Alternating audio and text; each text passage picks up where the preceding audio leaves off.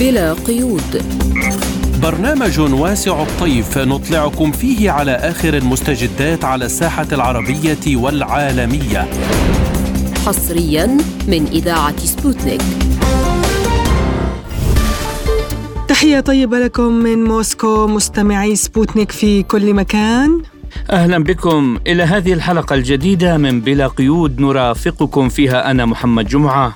وأنا نغم كباس والبداية بأبرز العناوين. روسيا تدخل معدات عسكرية جديدة للمعركة في أوكرانيا. تقارب تركي سوري مرتقب. الأردن يستدعي السفير الإسرائيلي لديه احتجاجا على اقتحام بن كفير المسجد الأقصى. لازلتم تستمعون إلى برنامج بلا قيود. وإلى التفاصيل التي نبدأها من الشأن الأوكراني والإيضاحات التي جاءت على لسان الفريق سيرجي سيفريوكوف النائب الأول لرئيس المديرية العسكرية والسياسية الرئيسية للقوات المسلحة للاتحاد الروسي وذلك حول حقيقة ما حدث في الليلة الأولى من شهر يناير الجاري. وقال سيفريوكوف إن عدد القتلى من الجنود الروس وصل إلى 89 وإن السبب الرئيس لما حدث هو أن العسكريين استخدموا هواتفهم المحمولة فحدد العدو مكانهم واستهدفهم. في الأول من كانون الثاني يناير عند الدقيقة الأولى بعد الساعة الثانية عشر ليلا بتوقيت موسكو وجهت مدفعية القوات المسلحة الأوكرانية ضربة بستة صواريخ من نظام هايمرس لصواريخ متعددة الإطلاق على نقطة الانتشار المؤقتة لإحدى الوحدات العسكرية الروسية بالقرب من بلدة ماكيفكا تم اعتراض صاروخين من قبل قوات الدفاع الجوي أثناء الخدمة فيما أصابت أربعة صواريخ برأس حربي متفجر شديد الانفجار المبنى الذي كان يتمركز فيه عسكريون الروس ما أدى ذلك إلى انهيار سقف المبنى. فور وقوع المأساة قام جميع الضباط والأفراد العسكريين من الوحدات العسكرية الأخرى بجميع الإجراءات المتاحة لإنقاذ الضحايا. كما تم تقديم الإسعافات الأولية ونقل الجرحى إلى المرافق الطبية. لسوء الحظ أثناء رفع أنقاض الهياكل الخرسانية المسلحة ارتفع عدد رفاقنا الذين لقوا حتفهم إلى 89 شخصا. ومن بين القتلى نائب قائد الفوج المقدم باكورين. لقد تم تقديم المساعدة والدعم لجميع الضحايا وأسر القتلى العسكريين. وفي سياق الرد تم تدمير قاذف نظام الإطلاق الصاروخي المتعدد الذي أطلقت منه القوات المسلحة الأوكرانية النيران على ماكيفكا نتيجة الضربات الصاروخية والجوية على المعدات العسكرية في منطقة محطة سكة حديد دروجكوفكا بجمهورية دونيتسك الشعبية. تم تدمير أربع قاذفات صواريخ أخرى من طراز هيمارس وأربع مركبات قتالية من طراز فامباير وأكثر من 800 صاروخ تابع لها. وثماني سيارات بالإضافة إلى مقتل أكثر من 200 من المتطرفين الأوكرانيين والمرتزقة الأجانب. إضافة إلى ذلك في منطقة ماسلوفكا تم استهداف نقطة انتشار مؤقتة لإحدى وحدات الفيلق الأجنبي حيث تم تدمير أكثر من 130 مرتزقا أجنبيا. حاليا تعمل لجنة التحقيق في هذا الهجوم ولكن من الواضح بالفعل أن السبب الرئيسي لما حدث هو الاستخدام المكثف للهواتف المحمولة من قبل الأفراد العسكريين ما سمح للعدو بتحديد إحداثيات مواقعهم لشن الضربة الصاروخية عليهم. يجري حاليا اتخاذ الإجراءات اللازمة لمنع وقوع حوادث مأساوية مماثلة في المستقبل. ونتيجة للتحقيق سيتم تقديم المسؤولين المذنبين إلى العدالة. للحديث عن هذا الموضوع ينضم إلينا عبر الهاتف الخبير العسكري الاستراتيجي الدكتور أكرم خريف. أهلا بك دكتور في بلا قيود ودعنا نبدأ من هذه الخسارة التي قالت روسيا إنها جاءت بسبب استخدام الهواتف الذكية من قبل العسكريين الروس. فمن المسؤول عن ذلك برأيك وكيف فاتتهم هذه التفصيلة؟ نعم انشغلت على الأقل حادثتين واحدة في منطقة خيرسون والأهم في منطقة مكييفكا حيث قتل 63 جندي روسي في ماكيفكا نعم تم تحديد تم يعني تحديد المكان الذين كانوا فيه ذلك الجنود باستعمالهم شبكات التواصل الاجتماعي وبنشرهم لصور فيها حتى إحداثيات الأماكن التي كانوا فيها. آه، اليوم مسؤولية آه، قبل كل شيء آه، هي مسؤولية قادة الوحدات في الأرض. الذين هم مسؤولون على استعمال رجالهم لكل الإمكانيات التي هي بين أيديهم معناها الهواتف الهواتف الذكية وحتى آلات الكمبيوتر. المشكلة هي أن اليوم مع استعمال المكثف للهواتف الذكية لأغراض عسكرية لا يمكن آه، نزعها للجنود. آه، الجندي الروسي اليوم يستعمل هاتفه الذكي لتحديد تحديد الموقع الذي يوجد فيه. ربما آه، تحديد المواقع التي يوجد فيها أعداء. وأيضا ما في الدرونات الصغيرة التي هي اليوم منتشرة يعني في في داخل الجيش الروسي. معناه أنه يجب أن يكون في حملات للتوعيه آه، ولي ولي آه، يعني تحديد آه، أو الحد من من استعمال الهواتف الذكية لأغراض شخصية أو لنشر صور شخصية والمواقع التي يوجد بها الجنود. نعم دكتور يعني روسيا اليوم تحتزم إدخال طائرات استراتيجية في المعركة مثل البجعة البيضاء وأنت تعلم أنها تحمل يعني أطنانا من الأسلحة، ما تأثير ذلك على المعركة؟ آه هذا سيغير في المعركة آه شيء آه واحد وهو كثافة آه، القصف آه الذي يكون آه على يعني وحدات العدو.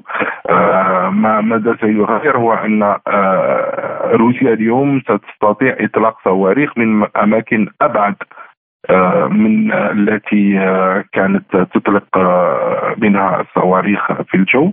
مثلا كانت يعني أن يتم اطلاق الصواريخ داخل الأراضي الروسية في في نواحي بلغورود أو فارونيج في تلك النواحي.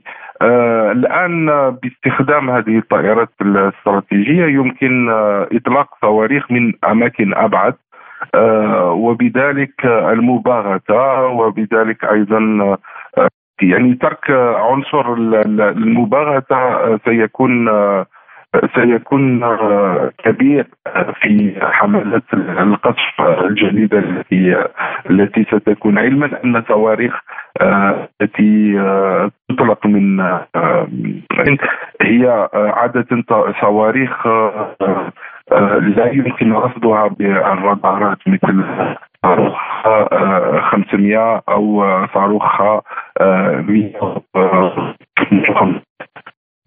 هذا سيضيف سيضيف عنصر المباغته نعم إمكانية إطلاق صواريخ لا ترصد بالرادارات من مدى أبعد. سيزيد سيزيد عنصر المباغتة في حملات القصف الجوي التي ستتخذها روسيا آه، في آه، الأيام المقبلة. دكتور أكرم يعني سمعنا جميعا الدفاعات الجوية الروسية ومنذ يومين بالضبط أسقطت عدة طائرات مسيرة حاولت استهداف شبه جزيرة القرم. لماذا برأيك هذا الاستهداف وكيف سيؤثر على القوات الروسية المتمركزة بالقرب من القرم؟ هو قرب المسافة بين آه، الجيش الأوكراني تموقع الجيش الأوكراني وشبه جزيرة القرم هو مما سهل في آه، إرسال حملات لمسيرات آه، خفيفة وصغيرة أوكرانية. اليوم نرى أن الجيش الروسي الروسي تعلم الكثير من يعني من تلك الحملات واخذ يعني بجدية آه، آه، مهام آه، مكافحة الدرونات.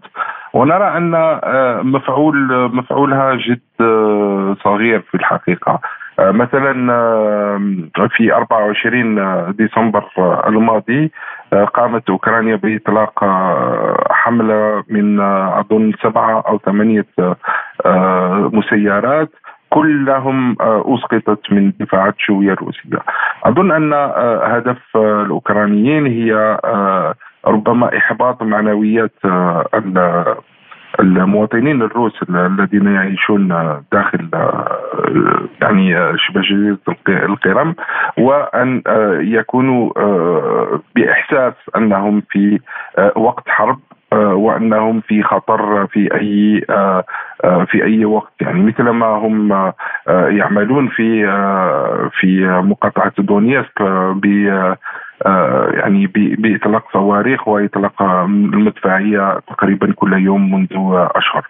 يعني ديمتري روغوزين وهو آه، المدير السابق لوكالة الفضاء الروسية روسكوسموس أرسل إلى السفير الفرنسي شظية من قذيفة سيزار الفرنسية الصنع أصابته بدونيتسك.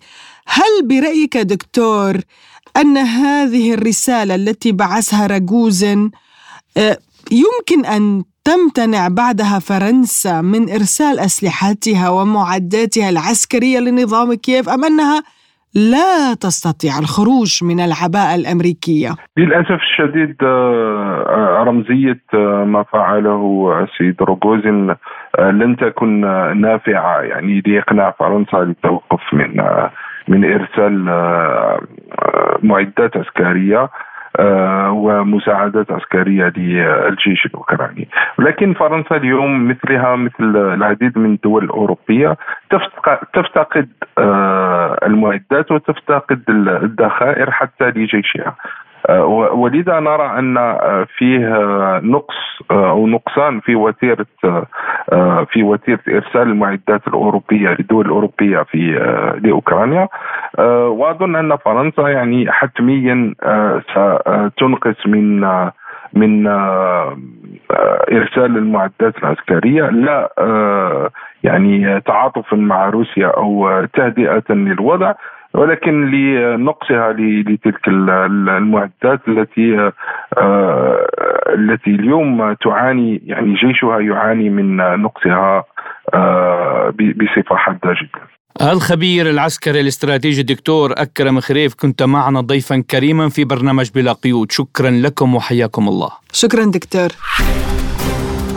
لازلتم تستمعون إلى برنامج بلا قيود. وإلى الملف التركي السوري إذ كشف وزير الخارجية التركي مولود شاوش أوغلو أنه سيعقد لقاء منتصف يناير كانون الثاني المقبل مع نظيري الروسي والسوري في خطوة جديدة من التقارب بين أنقرة ودمشق. وقد تسببت تداعيات الصراع الدائر في سوريا في توتر كبير في العلاقات بين أنقرة ودمشق وكان الرئيس التركي رجب طيب أردوغان أشار مؤخرا إلى أنه قد يلتقي نظيره السوري بشار الأسد بعد اجتماعات على مستوى وزيري الدفاع ثم الخارجية. وللحديث أكثر عن التقارب التركي السوري المرتقب وموقف المعارضة السورية بأشكالها نستضيف من دمشق الأستاذ جميل علي الحايك مدير المركز السوري للدراسات والنشر في دمشق. أهلا بك أستاذ جميل في برنامج بلا قيود. ودعني أبدأ من تأكيد وزير الخارجية التركي تشاوش أغلو بأنه هناك استمرار لدعم أنقرة للمعارضة السورية وبنفس الوقت سيلتقي وزير الخارجية السوري في الأيام القريبة القادمة. ما طبيعة هذا التقارب إذا الذي تتحدث عنه أنقرة برأيك؟ آه، حول التقارب السوري التركي الذي بدأ به آه، رئيس النظام آه، التركي وأعلنه أكثر من مرة ومن يتابع كان يلمس بشكل واضح البرود السوري في الرد وعدم الاستجابة آه، آه، لعدة دعوات للقاء بين تركيا وسوريا وخصوصا أن هذا النظام أوغل في الدم السوري آه، هذه الخلفية تقودنا للجواب للبحث في تفاصيل المسألة والطروحات التي يطرحها الآن النظام التركي. لماذا الآن صح النظام التركي على أهمية التقارب مع سوريا ولماذا وجه الدعوات ووضع الوساطات حتى أنه اتصل مؤخرا بالرئيس بوتين لكي يتوسط له بعملية اللقاء مع السيد الرئيس بشار الأسد. آه، حقيقة الأمر أن تركيا قادت مشروع الشرق الأوسط الجديد بتطويب أمريكي. وهذا المشروع سقط لأن كان الحامل الأساسي لهذا المشروع كما نظمه أوباما وهيلاري كلينتون كان حامله الأساسي هو تنظيم الإخوان المسلمين. وباعتبار آه، آه، أن تجربة الإخوان المسلمين مجه الشعب العربي كله في كل أقطاره وسقطت هذه التجربة وكان آه، أردوغان زعيما حديثا لتنظيم الإخوان المسلمين زعيم سياسي وزعيم مالي وزعيم عسكري وفي جميع يعني ما يمكن أن يجعل من الإخوان المسلمين مطية له لكي يعيد أمجاد الإمبراطورية العثمانية التي كان يحلم بإقامتها آه ونعلم ماذا فعله في حلب وفي شمال سوريا وتدخله في ليبيا ووصوله إلى الصومال وكل هذه الأعمال التي قام بها هذا آه الرئيس الذي يمكن أن نضع ضمن قوسين وصفه بالاخونجي لأنه كان يتزعم عمليا حركة الإخوان المسلمين.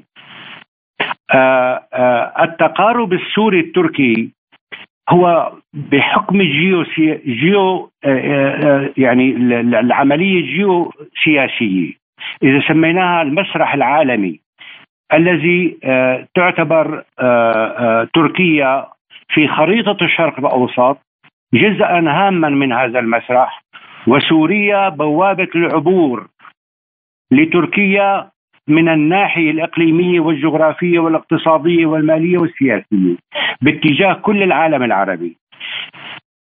هذا الأمر كان موجودا قبل بداية ما يسمى بالربيع العربي قبل عام 2011 ووصلت العلاقات التركية السورية إلى مستوى عالي من التنسيق. لكن الوظيفة التي أداها هذا النظام جعلت هذه العلاقة تنتكس وتتحول إلى حاله من العدوانيه الشرسه التي قادها النظام التركي. اليوم يعيد حساباته هذا النظام ويجد أنه خسر كل شيء. خسر آه، آه، نفوذه، خسر سمعته، خسر اقتصاده، خسر خسر آه، كثير من الرأي العام الداخلي في آه، تركيا حتى أن المعارضة الآن القوية التي تهدد نظام حكمه في الانتخابات القادمة بدأ يتلمس ضعفه وبدأ يتلمس الأوراق التي يمكن أن نلعب بها داخليا وخارجيا. اليوم النظام التركي هو بأمس الحاجة لإعادة وصل من قطع. لكن هناك شروط يجب أن يتقيد بها. أول هذه الشروط التي يجب أن يتقيد بها أن يقدم اعتذاره للشعب السوري الذي أذاه وأدماه وسرق آه، ممتلكاته وسرق آه، عبر عصاباته نفطه وثرواته وقمحه. هذا واحد. يعني أنا ما أحكي باسم مواطن من سوريا. ولا أدعي أنني أتحدث باسم القيادة السورية. آه، القيادة السورية تدرك ما هي الشروط التي يجب أن تضعها على الطاولة في حوارها مع تركيا. طيب يا أستاذ جميل نبض الشارع السوري الآن أه. يقول أن هذا النظام يحتاج إلى إعادة تدوير لأفكاره لسياساته لعلاقاته مع دول الجوار سواء كان في سوريا أو في العراق أو في ليبيا. آه، الشرط الثاني هو انسحاب كل قواته إلى خارج الحدود الدوليه المعترف بها. الشرط الثالث هو أن يتخلى عن هؤلاء عن هذه العصابات المسلحة التي ترفع راية التاسلم المنافق، الكاذب، الفاجر، القاتل، الهمجي، الذي لا يمت الا الإسلام بصيره. يعني أستاذ جميل في الحديث عن هذه المعارضة السورية برأيك ما هو وزن وأهمية هذه المعارضة المقيمة في تركيا؟ ولا سيما أن كل هذه المعارضة هي تحت العباءة التركية. تماما. آه ببساطة ولكي لا يعني نضع للموضوع أكثر من قيمته الحقيقية على الأرض هذه المعارضة هي واجهة للنظام التركي. هم عبارة عن بيادق وأنا لا يعني لا أشتم في هذه في هذا التوصيف. إنما أوصف الواقع. هم بيادق يلعب بهم حقان فيدان رئيس المخابرات التركية. لأن القاعدة تقول من يمول هذه المعارضة؟ من يستقبلها ويجعلها آه، تعيش في فنادق الخمس نجوم من الذي يدعمها اعلاميا؟ من الذي يبرزها ويضوي عليها أو ينور عليها في المحافل الدولية؟ من هو المسئل؟ من هي الجهة التي تستند إليها هذه المعارضة؟ كل هذه الأسئلة جوابها واحد إنه النظام التركي. فعندما تكون القاطرة الأساسية التي هي النظام التركي يريد أن يتقارب مع القياده في سوريا وأن يكفر عن أخطائه السابقة وأن ينهج نهجا سياسيا جديدا. ستكون هذه الأدوات عبارة عن أوراق آن لها أن تحترق وآن لها أن ترمى في أول في أقرب حاوية يعني مهملات. لا تصدق ولا يصدقن أحد. أن لهذه المعارضة أي وجود شعبي في سوريا وأي وزن سياسي على مستوى الإقليم أو على مستوى العالم هم عبارة ويعرفون ذاتهم ومن يسمع تصريحاتهم وتلاسنهم مع بعضهم البعض تجعلهم يعني آه، آه، تسمعهم يتهمون بعضهم بالسرقات يتهمون بعضهم بالفساد بالرشوة بالاغتناء الفاحش على حساب من؟ على حساب الدور الوظيفي الذي كانوا يؤدوه. عندما ينتهي دورهم بالاداء الوظيفي الذي كانوا يؤدونه ستنتهي سينتهي دورهم. هذا التصريح الذي يقوله وزير الخارجية مولود جاويش أوغلو.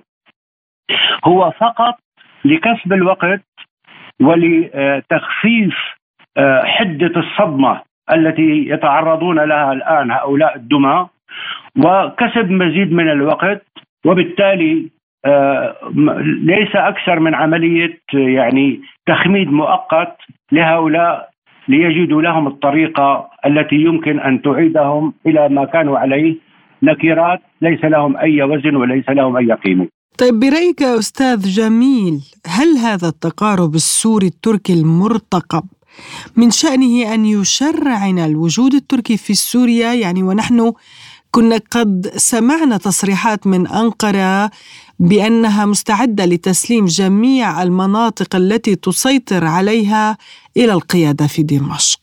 بالمطلق الجواب مرفوض جملة وتفصيلا أي وجود سياسي أو أمني أو عسكري لأي دولة في العالم ليس فقط لتركيا العدوه الآن التي مارست العدوان ومارست القتل ومارست آه، آه، آه، كل أنواع يعني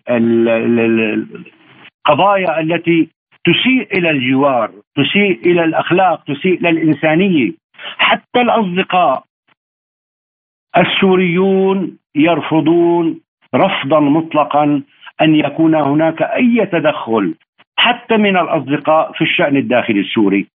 يعني أستاذ جميل كيف يمكن توصيف هذا التقارب بين أنقرة ودمشق؟ هل هو حوار أم تطبيع أو مصالحة؟ يعني ما هي هذه الصيغة؟ ما هو التعريف التركي للحوار مع الدولة السورية؟ ما هو التوصيف السياسي لهذا اللقاء؟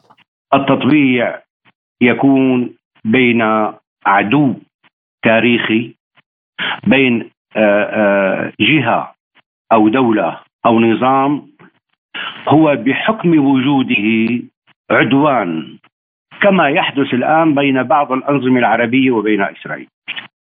أما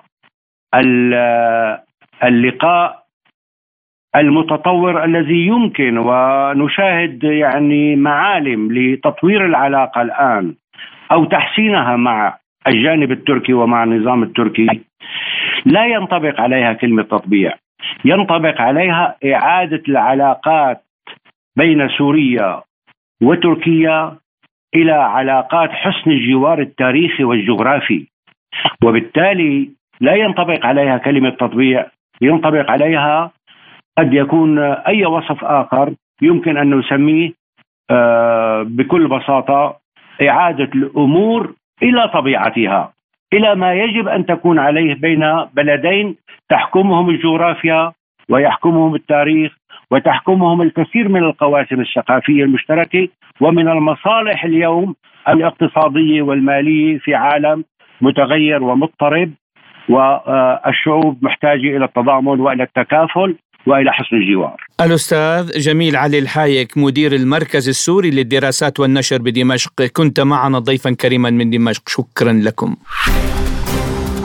لازلتم تستمعون إلى برنامج بلا قيود. وإلى الشأن الفلسطيني حيث قال متحدث باسم وزير الأمن القومي اليميني المتطرف إتمار بن جفير إنه زار مجمع المسجد الأقصى في القدس الشرقية للمرة الأولى منذ توليه منصبه مما أثار غضب الفلسطينيين والعالم العربي بشكل عام والذين يرون في هذه الخطوة استفزازا. وفي هذا السياق صرح رئيس مجلس النواب الأردني أحمد الصفدي بأنه لا سيادة لحكومة الاحتلال على المقدسات الإسلامية والمسيحية في القدس. بينما صرحت الخارجية الفلسطينية أن الاقتحام هو استفزاز غير مسبوق وتهديد خطير لساحة الصراع. وحملت الوزارة رئيس الوزراء الإسرائيلي بنيامين نتنياهو كل المسؤولية عن هذا الاعتداء الصارخ على المسجد الأقصى وأشارت إلى أنها ستتابع الأمر على المستويات كافة بالتنسيق مع الأردن. وللحديث أكثر عن هذا الموضوع نستضيف من فلسطين الكاتب والباحث السياسي الأستاذ ناصر حماد. أهلا بك أستاذ ناصر في برنامج بلا قيود ودعني أبدأ من استدعاء الأردن للسفير الإسرائيلي احتجاجا على هذا الاعتداء من قبل الوزير بن كفير على الأقصى هل تعتقد أن هذا التحذير الأردني سيمنع من تكرار هذه الاستفزازات الإسرائيلية؟ آه، بالنسبة للسياسة الأردنية هي سياسة ثابتة في الخطوط السياسية العامة وهي الوصية الهاشمية على القدس بالنسبة للتيارات الدينية المتطرفة اللي بن غفير وسموريتش اللي هم من التيارات الدينية المتطرفة بالنسبة لإسرائيل هي هي خطوة أولى لأن الحكومة الموجودة هي حكومة يمينية متطرفة. هذه الحكومة اليمينية المتطرفة تخشى الأردن من اندلاع مواجهات جديدة تؤثر سلبا على الأردن نفسها وعلى المنطقة. لأن الفلسطينيين اتجاه القدس أو الأردني والأردنيين أيضا اتجاه القدس هي خط أحمر لا يمكن أن تتنازل عنه وهو في خلال المفاوضات السابقة على مدار 25 عام أو 28 عام من المفاوضات منذ عام 93 من اتفاق أوسلو. حتى اليوم الفلسطينيين طالبوا إسرائيل أنه القدس تكون على جدول المفاوضات وإسرائيل ترفض. وهذه سياسة دينية متطرفة موجودة في الأجندة الإسرائيلية بعدم التنازل. هم بيعتبروا أن القدس هي جزء من الدولة. الموجود الآن هو أن تكون اسرائيل أن تكون أن إسرائيل هي حكومة يهودية أو دوله أو دولة يهودية.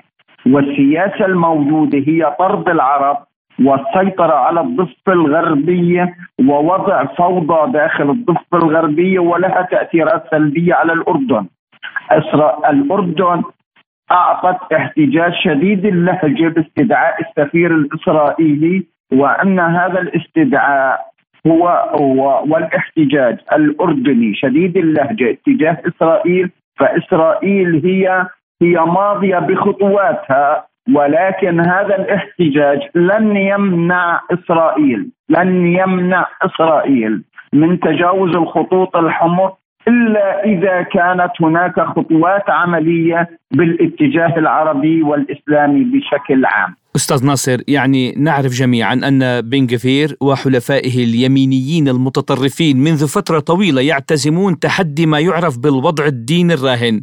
الأردن وصي على المقدسات ولن يتنازل عن ذلك، فما المتوقع من الأردن أن يفعله للحفاظ على الوصايه الهاشمية؟ الوصاية الهاشمية اتجاه المقدسات الإسلامية في الأرض في فلسطين هي موجودة منذ عام من من منذ عام النكبة والأردن هي موجودة بالضفة الغربية والقدس بشكل كامل. فلا يمكن على الأردن أن تتنازل لا لجهات عربية أو غير أو جهات إسلامية أخرى. فالأردن هي موجودة والشعب الأردني والشعب الفلسطيني هم شعب واحد. فالوجود الفلسطيني والوجود الأردني هو لحماية القدس والمقدسات. والتيارات الدينية المتطرفة وهي الحكومة الأكثر تطرفا وسنة 23 عام 23 سيكون هناك اهتزازات سياسية بالمنطقة وليس فقط في الأردن نتيجة الوضع الفلسطيني ووجود حكومة يمينية متطرفة وبن غفير هو يقود الحكومة أكثر من نتنياهو. في هذه المرحلة لأنها هي دولة يهودية والسعي لتكون وهذا من قراءات وعمل نتنياهو السابقة أن تكون دولة يهودية. فلا يمكن أن يتنازل نتنياهو عن عرشه في رئاسة الوزراء بهذه البسيطة بهذه البساطة لتكون ليرضي وسيعمل ليرضي اليمين الإسرائيلي بكل قوته. طيب مصر أيضا أرسلت رسالة عاجلة إلى تل أبيب قالت بأنه في حال انفجار الوضع هي لا تستطيع السيطرة على ردود فعل حماس خاصة أنه حماس تهدد بالرد العسكري. بالجهة المقابلة الإمارات والصين تدعوان إلى آه، جلس آه، عقد جلسة طارئة لمجلس الأمن آه، لبحث هذه الاعتداءات على الأقصى. وأيضا هناك تحرك عربي. ما دلالات كل ذلك؟ ما تأثيره على المجتمع الدولي بشكل عام وعلى إسرائيل نفسها برأيك؟ اولا بالنسبة لقطاع غزة والوضع الفلسطيني في قطاع غزة هو تفجير الأوضاع لأنه من يفجر الوضع هو الحكومة اليمينية الدينية المتطرفة برئاسة بنيامين نتنياهو. والفلسطينيين أو الأردنيين أو العرب أو المسلمين لن يقبلوا بفرض بفرض إسرائيل الوقائع الجديدة. والتحدي الجديد أمام بن غفير هي كسر في العصا. ولكن الولايات المتحدة هل تتعامل مع هذا الوضع؟ هو من يحكم إسرائيل؟ هو يحكم إسرائيل الولايات المتحدة. إذا الولايات المتحدة وضعت السلم بشكل جيد لمنع التطرف لأن قطاع غزة هي على بركان والمنطقة لا تريد حرب جديدة في المنطقة قد تشتعل إلى مناطق أخرى.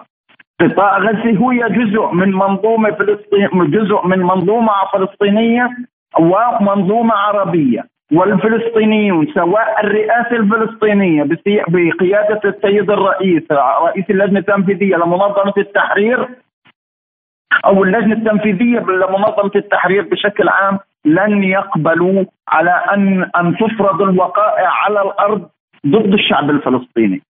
وهذه ووجود التحرك المصري والعربي بشكل عاجل في هذه الخطوة لأن يعرف ما هي مدلولاتها وما هو الخطوات للسيطرة وهذا سيكون هناك نهج عسكري أو حرب موجودة بين الفلسطينيين وإسرائيل وستشتعل الضفة الغربية وقطاع غزة في ان واحد وأن سياسة السيطرة على الأراضي هي دخول بن المتطرف المجرم بن غفير وسمورتش إلى القدس هي بداية لحرب في في في المنطقة، بداية حرب عنيفة في المنطقة، ولن يستسلم الفلسطينيين اتجاه القدس أو العرب والتوجه العربي هو هي رسالة احتجاج ضد إسرائيل وضد الحكومة اليمينية المتطرفة الموجودة في في الجهة الأخرى. أستاذ ناصر يعني في ظل هذه التطورات كيف ستواصل الحكومة الإسرائيلية الجديدة الرهان على بناء علاقة إقليمية قوية مع دول الخليج العربي؟ كيف سيتمكن نتنياهو من بناء علاقات إقليمية قوية في ظل وجود شخصيات بغيضة في حكومته ومع أجندة معادية للفلسطينيين؟ اولا سياسة التطبيع نتنياهو من ضمن الأجندة الأساسية الموجودة كلامك صحيح وسؤالك جوهري في ظل السياسة الجديدة التي يضعها بنيامين نتنياهو هو هو القفز عن الفلسطينيين ووضع سياسة التطبيع وفرض وقائع على الأرض. فرض الوقائع على الأرض هو السيطرة على الضفة الغربية. اتفاق أوسلو انتهى.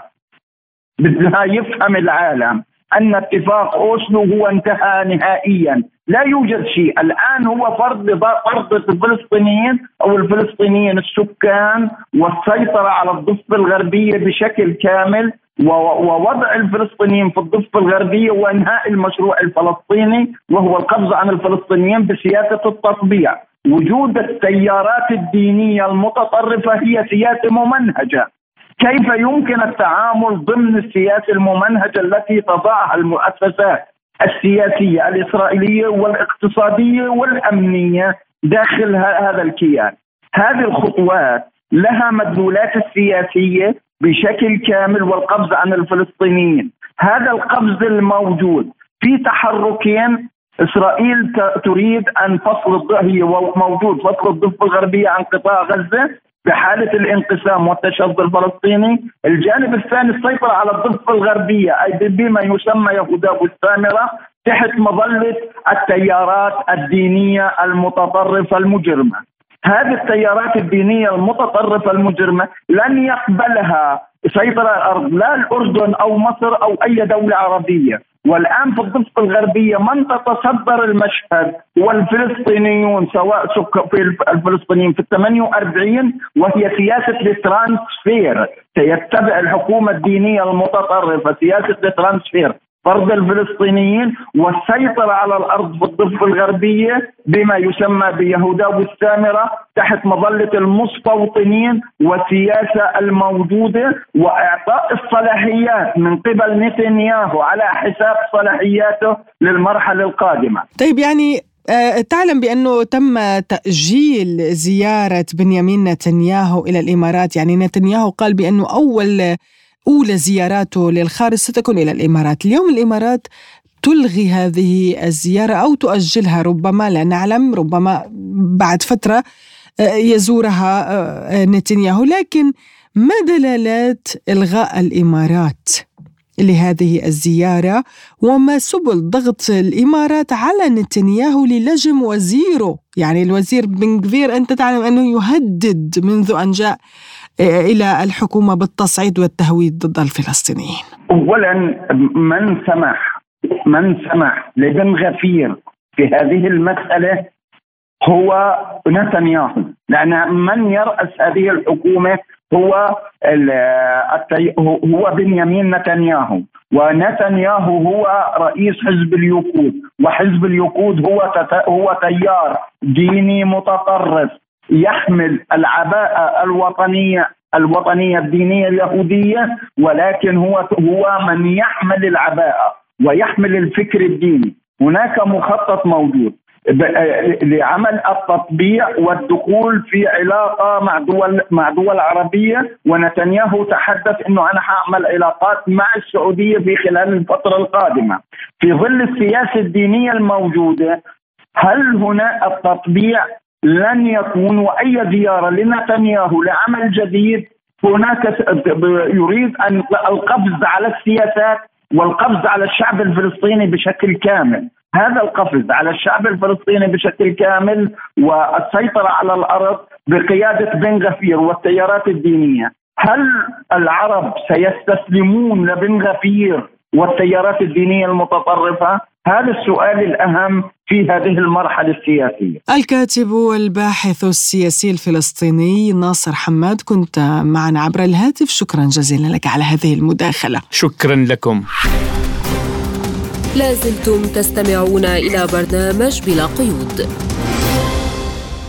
ومن السياسة إلى الاقتصاد. لدينا في الاقتصاد لهذا اليوم أن المملكة المتحدة تعلن تعليق استيراد الغاز الطبيعي الروسي المسال إذ أعلنت وزارة الخارجية البريطانية أن المملكة المتحدة توقفت عن استيراد الغاز الطبيعي المسال الروسي مبررة ذلك بوقف دعم العملية العسكرية الروسية في أوكرانيا. وتسبب الدعم الحكومي للأسر والشركات البريطانية مع ارتفاع تكاليف الطاقة إلى جانب مدفوعات الفائدة المرتفعة في دفع الاقتراض العام للمملكة المتحدة إلى مستوى قياسي بلغ 22 مليار جنيه استرليني أي ما يعادل 26.7 مليار دولار في الشهر الماضي. وللحديث عن هذا الموضوع ينضم إلينا عبر الهاتف رئيس مركز آسيا للدراسات الدكتور أحمد مصطفى. أهلا بك دكتور في بلا قيود. أهلا بحضرتك أبدأ من قرار المملكة المتحدة تعلن تعليق استيراد الغاز الطبيعي الروسي المسال. لماذا برأيك اليوم تعلن آه، المملكة آه، وقف إمدادات الغاز الروسي؟ لا هو لعدة أسباب. أولها هو استكمالا لما كانت فرضته سابقا ما يسمى السبع الكبار أو جي 7 آه، من محاولة البعد عن واردات الطاقة الروسية سواء كانت نفط أو فحم أو غاز روسي سواء غاز آه، يضخ عبر الأنابيب أو غاز مسال. آه، النقطة الثانية هو محاولة التأثير على آه، الاقتصاد الروسي سلبا عقابا كنوع من العقوبات التي يفرض على الفدرالية الروسية حتى لا تربح حربها في الموقعة الأوكرانية والتي باتت قاب قوسين أو أدنى أنه صرح حاليا أن روسيا بالفعل آه، قد ربحت هذه المعركة. آه، رقم ثلاثة وهذا سبب كافي ولا يذكر في الإعلام أنه بالفعل يعني الضغوط الأمريكية لمحاولة بيع الغاز المسال بأربع أضعاف ثمن الغاز الذي كان يورد من الفيدرالية الروسية. وعلى سبيل المثال لدينا آه، شراكات ما بين شركات بترولية نفطية بريطانية وأمريكية آه، هي تستفيد من آه، هذه القصة. ولا تستمع إلى ما يئن به المواطن البريطاني في هذا الصدد الذي يشتكي يوميا من ارتفاع فاتورة الطاقة والذي أصبح في حالة فقد وأيضا آه لم تقبل أي حكومة في بريطانيا وطبعا كانت ليسترس وحتى سوناك في تطبيق أي آه قيود آه أو أي آه، ضرائب إضافية على أصحاب أو رؤساء مجلس إدارة شركات النفط مثل بتروليوم أو رويال داتش شل والتي تستفيد من هذا أيضا والتي هي بالأساس آه، اتضح لنا أن العائلة المالكة طرفا في آه، أو أحد كبار المساهمين في هذه الشركات وتستفيد ماديا من هذه الشركات وهذا ما لا يعرفه المواطنون سواء أو لا قد يعرفه البعض يعني. في العالم أو في بريطانيا على وجه التحديد. فكل هذه الأسباب مجتمعة.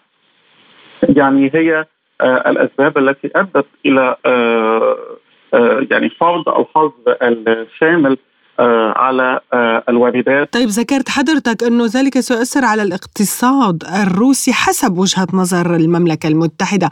طيب كيف سيؤثر على الاقتصاد البريطاني خاصة أنه ذكرت حضرتك يعني الضرائب ارتفعت؟ بكل تأكيد. آه هو هم يعتقدون أنها سيؤثر على الاقتصاد الروسي برغم الاقتصاد الروسي حاليا مع بداية التوجه منذ العام الماضي شرقا وجنوبا أعتقد أن روسيا تجد الكثير والكثير من الاسواق التي يباع إليها النفط والغاز والفحم آه، وليس فقط آه، الغاز المسال وخصوصا في دول شرق آسيا والتي آه، تسعى لاستعادة معدل النمو الاقتصادي السريع والكبير وخصوصا استعداد هذه الدول يعني مثلا إندونيسيا على سبيل المثال 250 مليون طبعا الصين مليار ونصف مليون آه، وماليزيا تعداد كبير ودول أخرى باكستان 200 مليون نسمة بالتالي هناك اصوات الهند طبعا والتي تعتبر أكبر مشتري النفط والغاز من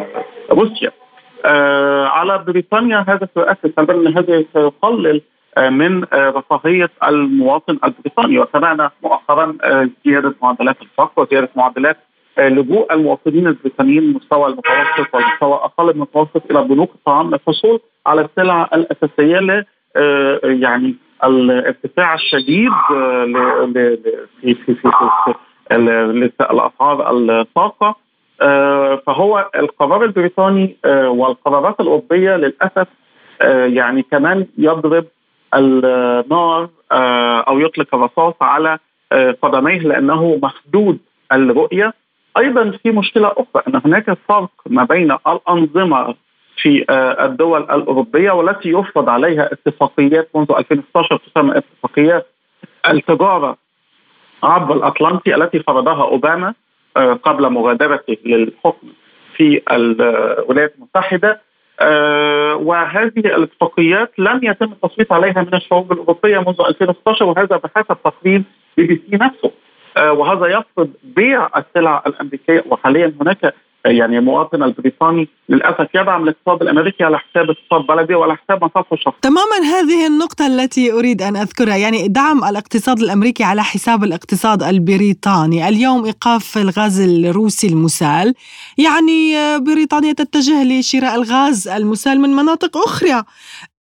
غير الولايات المتحدة التي تفرض يعني سعر أربع أضعاف أكثر أربع من أضعاف نعم ف ما المصادر الأخرى التي يمكن أن تلجأ إليها؟ لا هناك حي... يعني هناك هي أيضا تشتري وعايز يعني المضحك أنها ربما تشتري غاز روسي من طرف ثالث كما تفعل أمريكا آه مثال من طرف ثالث وباضعاف آه أيضا أخرى أيضا من الثمن وأيضا لدينا آه دول أخرى مثل آه قطر آه لدينا الجزائر الدول التي هي آه يعني لديها إنتاج من الغاز الوفير أو تشكل الأربع الكبار وأيضا لدينا مصر في شرق المتوسط وربما تستفيد مصر أيضا من هذا ال ال ال ال العرض لأن لدينا طبعا إنتاج من الغاز في شرق المتوسط. نحن نعد من أكبر الدول المنتجة للغاز في شرق المتوسط ولكن حتى من الغاز الروسي المسال ربما تشتريه من السوق السوداء أو من طرف ثالث كما قلت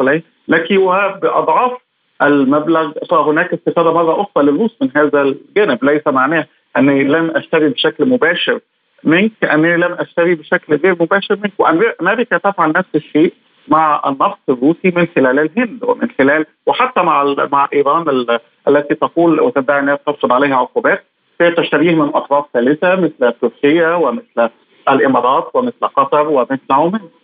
فيعني الاسواق للأسف لأنه المتحكم في السوق هو المنتج وليس المستهلك. طالما هناك طاقة وطالما هناك طلب متزايد على النشاطات الاقتصادية الصناعية والزراعية والخدمية فهناك طلب متزايد على الطاقة. وهذا ما لا يدركه للأسف آه يعني الآخرون. واوجد هنا يعني الغرابة هنا أننا نجد أن الأكاديميات الاقتصادية في أوروبا والجامعات الكبرى الاقتصادية فشلت في إيجاد أي بديل اقتصادي للمواطن الأوروبي كما ضحكوا عليهم وكما يعني يعني نصبوا على شعوبهم في بداية الأزمة الروسية أننا سيكون لدينا بدائل وأننا سنفعل كذا وسنفعل كذا والحقيقة أننا نجد يوميا مظاهرات وخصوصا في الدول الأكثر غنى في أوروبا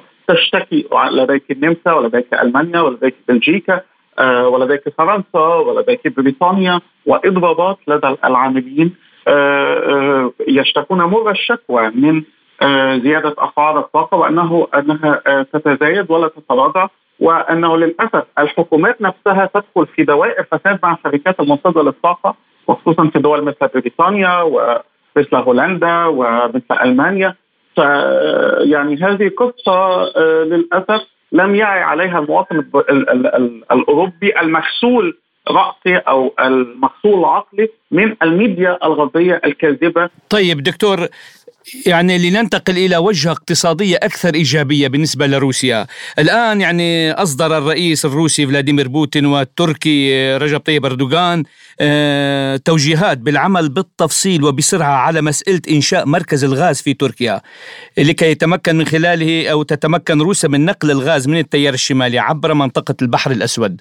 يعني لو سطور موجزه. يعني طبعا هذه خطوة آه، يعني جيدة وممتازة وأيضا تسمح لبيع الغاز الروسي وتسمح أيضا ب آه، آه، يعني طبقا للمبدا الصيني وين بلس وين أو المكسب المشترك بالنسبة لروسيا وبالنسبة لتركيا. وتؤمن أيضا خطوط بيع إنتاج الغاز الروسي سواء لطرف أوروبي أو لأطراف أخرى من خلال الأراضي التركية. لأننا نعلم سابقا أن ربما آه، كانت بريطانيا متورطة في تفجير آه، خطايا السيل الشمالي واحد آه، واثنين وخصوصا فقد منعت روسيا من التواجد في أثناء التحقيق وهناك رسالة سربت من نسبس إلى وزير الخارجية الأمريكي بلينكن وربما هي من أطاحت بها من الحكم حتى لا تدان الحكومة البريطانية بشكل مباشر في هذا الحادث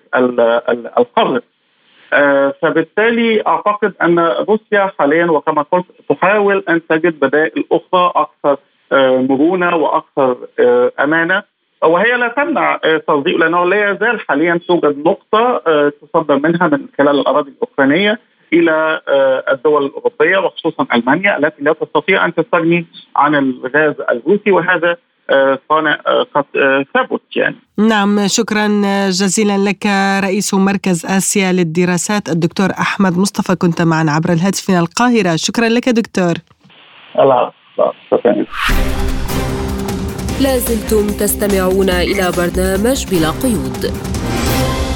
نختم الحلقة بالحديث عن الحفل الباهر الذي أقامته السعودية لاستقبال النجم البرتغالي كريستيانو رونالدو الذي انضم بشكل رسمي إلى نادي النصر السعودي حيث قال رونالدو خلال الحفل إنه تلقى عروضا كثيرة لكنه اختار النصر السعودي. وللحديث عن هذا الموضوع ينضم إلينا عبر الهاتف من الرياض الخبير الرياضي المختص بالكرة العالمية ومدير منصة السياحة الرياضية في المملكة الأستاذ محمد هشبول. أهلا بك أستاذ محمد. بداية لماذا اختار رولاندو نادي النصر السعودي بالرغم من كل العروض التي قدمت له في أوروبا والولايات المتحدة؟ أنا أعتقد أن كريستيانو رونالدو هو نجم يعشق التحديات هو قال أنا انتقلت للنصر السعودي من أجل خوض تحدي جديد حسب آه، تعبيره وهو ذكر انه حصل تلقى عروض من البرتغال تحديدا من عدة انديه لكن فضل عرض النصر لأنه تحدي جديد. وبالتأكيد لأن المبلغ العرض اللي يقدم النصر مبلغ عالي جدا وكبير وهذا العرض اللي يقدم النصر هو بالتاكيد يكون راح يكون مطمع لأي لاعب. ف يعني علشان يحضر كريستيانو رونالدو لنادي النصر لازم يكون في مبلغ كبير. آه، يعني يغري اللاعب بالقدوم لنادي النصر أو أي نادي. فكان هذا هو العرض اللي قدمه نادي النصر وبالتالي وافق كريستيانو لأن كريستيانو نادي وكيل أعماله. درسوا العرض جيدا من جميع الجهات من جميع النواحي. فوجدوا انه العرض مناسب جدا. يعني بفترة سنتين ونصف فترة يعني مغرية لأي لاعب لأنه انتقل لنادي أوروبي. راح يكون آه، لمدة سنة على الأقل بيكون مبلغ بسيط لكن نادي النصر قدم عرض كبير جدا في الفترة سنتين ونصف فترة جدا مناسبة في آه، سن آه، كريستيانو رونالدو وبالتالي هو اتخذ القرار المناسب واختار الانتقال لنادي النصر السعودي. ماذا برأيك سيضيف رونالدو للنادي؟ وأيضا ماذا سيضيف النادي لمسيرة رونالدو الكروية؟ أي نعم هو سيضيف لنادي النصر الكثير. أولا يعني هو يعني أضاف لنادي النصر قبل ان أن يلعب كرة واحدة مع مع مع نادي وقبل أن يخوض أي تمرين. حجم الانهيار الإعلامية التي قوبل بها انتقال كريستيانو رونالدو للنصر هذا إعلامية كبيرة. الكل بدا يبحث عن نادي النصر حسابات نادي النصر في ال social media اصبحت بالملايين آه، اصبح هناك محركات البحث كل عن نادي عن نادي النصر اصبح هناك طلبات من جميع دول العالم آه، لشراء تذاكر نادي النصر يعني هو اضاف لنادي النصر الكثير ولسه ما ما ما خاض اي تمرين رسمي أمام اي مباراه فما بالكم لو دخل كريستيانو رونالدو في في جو الدوري السعودي وبدأ يخوض المباريات وبدأ يسجل له اهداف كريستيانو رونالدو هو لاعب خامة لاعب brand لاعب ماركة لاعب جوهرة أسطورية. هو يعني أفضل لاعب في العالم من ناحية التسويق الإعلامي من ناحية الاهتمام في والتواجد في ال social media. هو لاعب number 1 على مستوى العالم. بالتالي قدومه لأي نادي حتى لو كان نادي أوروبي هو بالتاكيد اضافه فما بالكم عند قدوم على نادي عربي أو نادي الشرق الأوسط؟ فبالتاكيد هو إضافة كبيرة لنادي النصر. بالنسبة لإضافة نادي النصر لكريستيانو رونالدو هي إضافة آه، طبعا مادية في المقام الأول لأن نادي النصر أكرم كريستيانو رونالدو بعقد يليق به آه، سكن على أعلى مستوى في أفخم حي آه، جميع وسائل الراحة موفرة له ولعائلته والأبناء يعني كل شيء موفر على كريستيانو رونالدو بما يليق به. من مستوى الرفاهية والحياة المعيشيه التي كان يعيشها في أوروبا. بالتالي تم توفير كل متطلبات هذا النجم وبالتالي هذه اضافه من نادي النصر إلى كريستيانو رونالدو. أستاذ محمد يعني ما هي استراتيجية المملكة في الرياضة وفق رؤية 2030 ولا سيما بعد انضمام نجم عالمي لناديها؟ أي نعم هي الرؤية رؤية 2030 تشمل كل كل القطاعات تطوير كل القطاعات. آه، في الرياضة بدأنا منذ وقت مبكر في استضافه احداث عالمية كبرى مثل السوبر الأسباني. آه، بدأ من عام 2020 استضيف آه، السعودية السوبر الإيطالي. استضافه احداث مثل الملاكمة المصارعة الرالي. احداث متفرقة. بالنسبة لكرة القدم السعودية لديها استراتيجية واضحة وخطة وهدف نقول هدف واضح وهو استضافة آه، كأس العالم في يوم من, من الأيام.